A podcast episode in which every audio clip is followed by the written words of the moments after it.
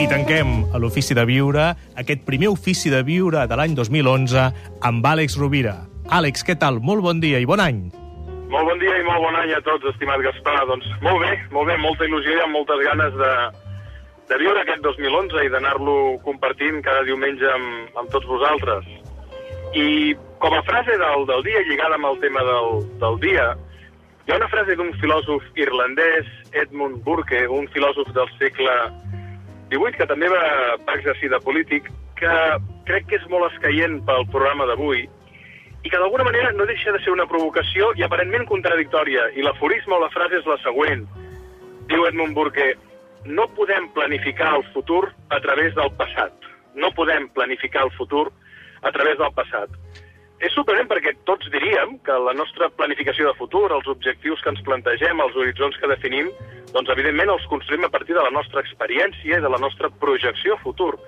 Però probablement la frase de Burke ens ve a dir que la vida ens sorprèn sempre, que la vida ens sorprendrà sempre i que probablement totes les planificacions de futur que hem fet sempre ens han sorprès. Quantes vegades nosaltres mirant enrere, fent un balanç de l'any, a, a final d'any, em consta que moltes persones que fan una miqueta un balanç de com ha anat, de si han assolit les fites professionals, les transformacions personals que s'havien definit, quan mirant enrere ens adonem que hem, estem en un punt i en un territori on mai haguéssim imaginat que podien haver conegut a tal persona que ara ens acompanya, que podíem estar vivint tal experiència que no ens imaginàvem mai que haguéssim pogut viure. Per tant, penso que és molt bonica aquesta frase.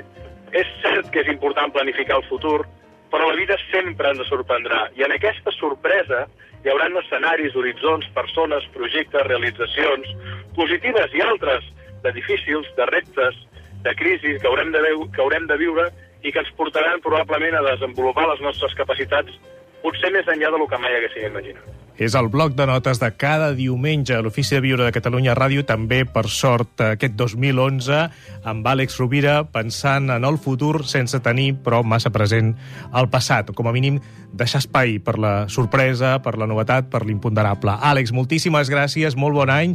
Fins diumenge que ve. Molt bon any i una abraçada a tots. Gràcies.